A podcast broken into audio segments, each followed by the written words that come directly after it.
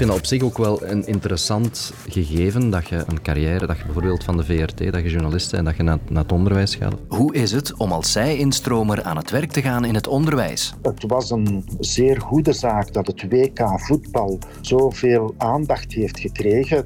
En dat is allemaal teniet gedaan door die ongevraagde en ongewilde kus. Waarom verdeelt een kus van de voorzitter van de Voetbalbond Spanje zo fel? Opvallend nieuws in voetballand. Want acteur Rick Verheijen en podcastmaker Sam Kerkhoffs die hebben de intentie om Sporting Hasselt over te nemen. En is het een goed idee om te investeren in een voetbalclub uit de amateurliga? De enige investering die wij vragen is een kwartier van je tijd. Ik ben Lode Roels, welkom. Het begin van het nieuwe schooljaar, 1 september, lonkt. Vrijdag is het zover. En dat wil dus zeggen dat scholen en directies zich nu volop aan het voorbereiden zijn. En daar komt veel bij kijken. Klassen inrichten, de kalender samenstellen, maar ook leerkrachten zoeken. Want inderdaad, dat lerarentekort is er nog altijd. Maar toch is er ook goed nieuws. Want het recordaantal mensen heeft het afgelopen jaar de overstap gemaakt van de privésector naar het onderwijs. 4700 Vlamingen om precies te zijn. 7% meer dan een jaar geleden. Maar waarom doen ze dat? En hoe is het om die overstap te maken? Hallo. Goedemiddag. Ik kreeg twee mensen aan de lijn. Alle twee waagden ze het afgelopen jaar de sprong. Sandra de Kank begint nu aan haar tweede jaar als zij-instromer. Vorig jaar heb ik de overstap gemaakt naar het onderwijs. Uh, daarvoor heb ik 23 jaar binnen het loodswezen gewerkt. Met op het einde uh, als commercieel en operationeel directeur.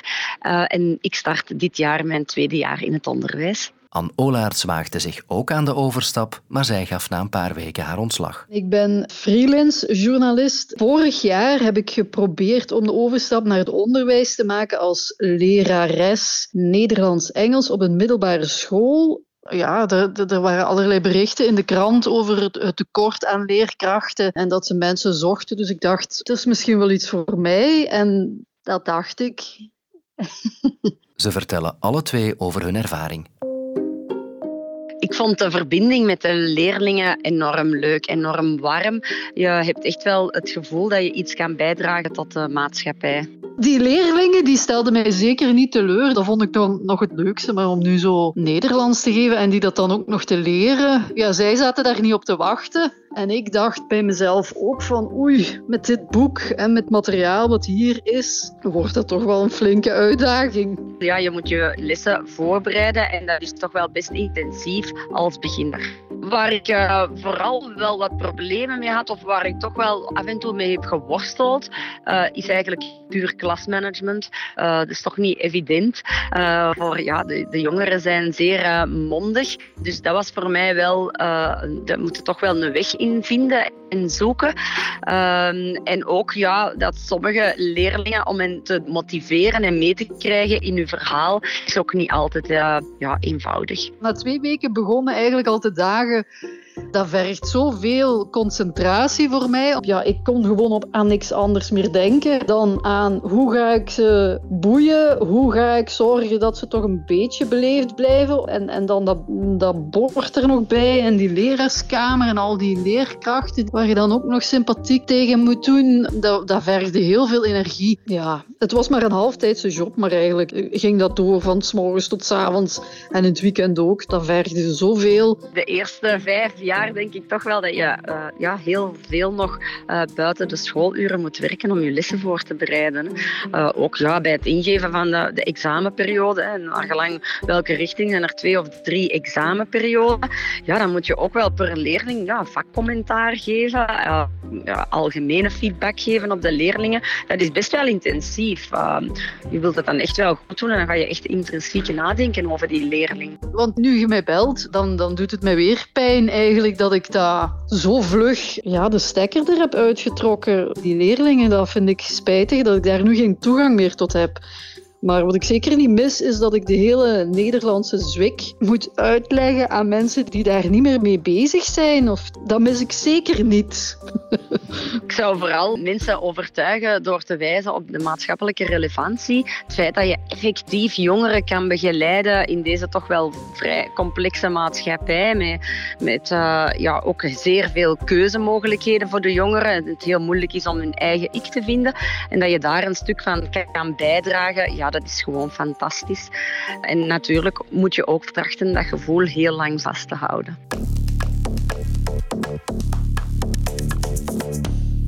Er is wereldwijd waarschijnlijk nog nooit zoveel over één kus gepraat. Het verhaal begon een week geleden en duurt nog altijd voort. Ik neem je mee terug in de tijd.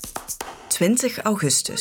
Segundos. Es la última jugada del partido. Pita, por favor. Pita, por favor. España es campeona del mundo. España es campeona del mundo. Het nationale vrouwenvoetbalteam van Spanje werd toen voor de eerste keer ooit wereldkampioen. De vreugde was groot. Maar dat sloeg al snel over in verontwaardiging. 21 augustus. Spanje is de nieuwe wereldkampioen. En bij de viering heeft de Spaanse bondsvoorzitter een speelster, Jenny Hormoso, vol op de mond gekust. De Spaanse minister van Gelijkheid heeft gereageerd. Zij noemt het een vorm van seksueel geweld. Hermoso zegt zelf in een Instagram live dat ze het niet leuk vond. Rubiales noemt het eerst allemaal bullshit en zegt dat de kus er met wederzijdse toestemming kwam. Wat later biedt hij dan toch zijn excuses aan in een video. Quiero disculparme ante esa persona porque entiendo que si desde fuera se ha visto de otra manera. 23 augustus. Luis Rubiales has faced sharp criticism over his unsolicited kiss on the mouth of Jennifer Hermoso. Well, it happened in the moments following Spain's victory in the Women's World Cup. But Mr. Rubiales showed no signs of backing down when he spoke a very short while ago. No voy a dimitir. No voy a dimitir. No voy a dimitir. Ondanks de kritiek wil hij dus niet opstappen, dat is duidelijk. 26 augustus. De Spaanse voetbalbond komt met de reconstructie van de feiten en beschuldigt Hermoso van leugens. Ze zijn ervan overtuigd dat hun voorzitter niet liegt. Maar later diezelfde dag gebeurt dit. FIFA has provisionally suspended the president of Spain's Football Association from all football-related activities. 28 augustus. En gisteravond maakte de Spaanse voetbalbond bekend dat Rubiales toch moet opstappen. Het verhaal laat hoe dan ook een diepe verdeeldheid zien in Spanje. Vincent Scheltiens is historicus verbonden aan U Antwerpen en kent Spanje erg goed. De zaak van die ongevraagde en ongewilde kus heeft Spanje inderdaad diep verdeeld. Gisteravond hebben we gezien dat er in Madrid betoogd is in solidariteit met de vrouwelijke speelsters. En om eigenlijk dat incident als een topje van een ijsberg te beschouwen, omdat er zowel een geschiedenis is van seksisme en machisme ten aanzien van de vrouwelijke voetbalploeg, maar ook verder en dieper in de samenleving over de positie van de vrouw en de nijd en zelfs de haat op sommige momenten tegen vrouwen die zeer mondig opkomen voor rechten en tegen gendergeweld, wat in Spanje toch wel een zeer diep probleem is. En het verhaal van Hermoso zet nog veel meer in beweging. Ik lees in, in tal van Spaanse media getuigenissen van vrouwen die zeggen: Ja, ik herken mij enorm in wat er gebeurd is. Ook het feit dat je je niet bij machten voelt om meteen te reageren. Dat soort verhalen komt nu in tienvoud, in honderdvoud naar boven. En ik denk dat dat zeer goed is voor de Spaanse samenleving. Dat is een eerste zaak. En een tweede zaak is ja, voor de voetbalbond en andere hiërarchieën dat men nu ook optreedt. Hè. Dus de Spaanse regering gaat optreden bij de Hoge Raad voor de Sport. De FIFA vraagt sancties. We mogen niet het risico nemen of lopen dat Luis Rubiales dat die louter als zondebok uh, zou weggejaagd worden, maar dat er echt structureel wordt ingegrepen in die voetbalbond als voorbeeld voor andere structuren in de sport en in de samenleving. Er is duidelijk nog wel wat werk in Spanje. Maar de heisa is dus niet voor niets geweest. Het is ook zo dat 48 uur geleden die voetbalvoorzitter nog heel die voetbalbond achter zich heeft. En het is door de mobilisatie, laten we zeggen, van vrouwen en vrouwelijke stemmen in de publieke opinie en nu ook op straat, enerzijds, en door het ingrijpen van de FIFA en, en de internationale verontwaardiging anderzijds, dat men binnen die voetbalbond pas is beginnen bewegen. Dus er moet structureel ingegrepen worden en mensen moeten begrijpen, kijk, er is zoiets als gelijkheid, niet alleen in de sport, ook in de samenleving, ook in werkverhoudingen, etc.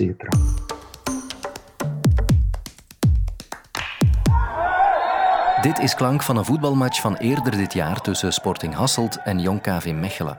Hasselt won trouwens met 2-1. Waarom ben ik plots geïnteresseerd in een ploeg uit de tweede amateurliga, hoor ik je denken?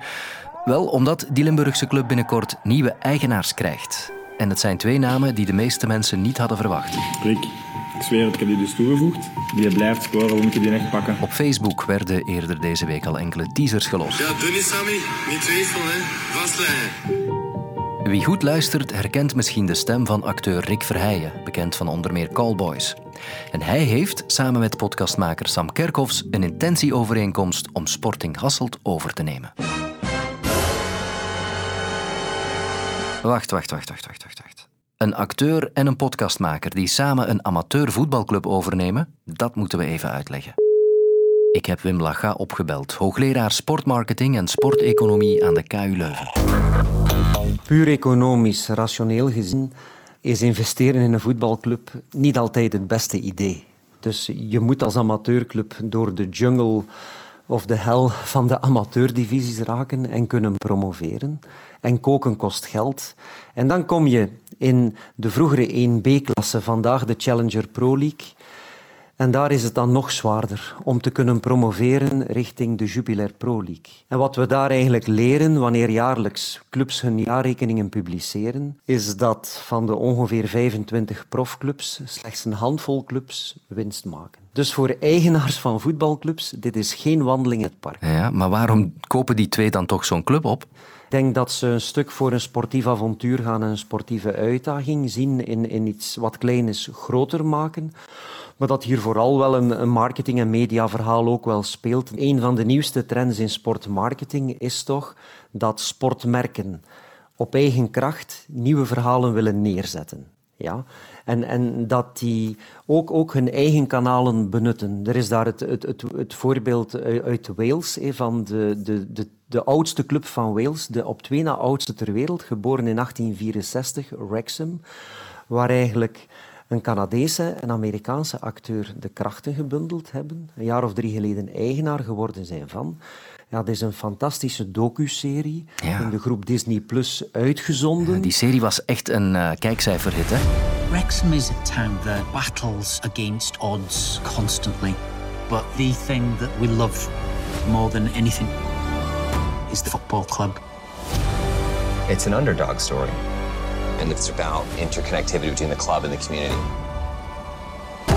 Ja, en goed voor de eigenaars en sportief ook goed, want als ik me niet vergis, werden ze wel uh, kampioen in de Engelse vijfde klasse, toch? Dat, dat, is zelfs genomineerd geweest voor Emmy Awards en daar is enorm veel buzz rond gecreëerd. Sporting Hasselt gaat vandaag ook al over de tong, hè? Mm. juist omwille van de eigenaars. Hè? Dus... Um, ja, is hier ook al eerste buzz rond. Dus we zijn heel benieuwd naar, naar, naar welk nieuw nieuws men zal creëren. En, en soms heb je het, een sportief verhaal dat groeit. Dus ik herinner mij toen Union naar eerste klasse kwam, is daar ook een, een Canvas-documentaire geweest, Allez l'Union, waar men hen de eerste maanden van dat sportief fantastisch jaar in, in, in de Jupiler Pro League waar men hen gevolgd heeft. Dus er zijn wel wat precedenten. Hè. Ja, oké. Dus rijk zullen ze er niet van worden. Maar toch, als je dat bekijkt, ons amateurvoetbal trekt best wel wat investeerders aan. Meer en meer zien we dat buitenlandse eigenaars, en dat, dat, dat voelt heel absurd en vreemd aan,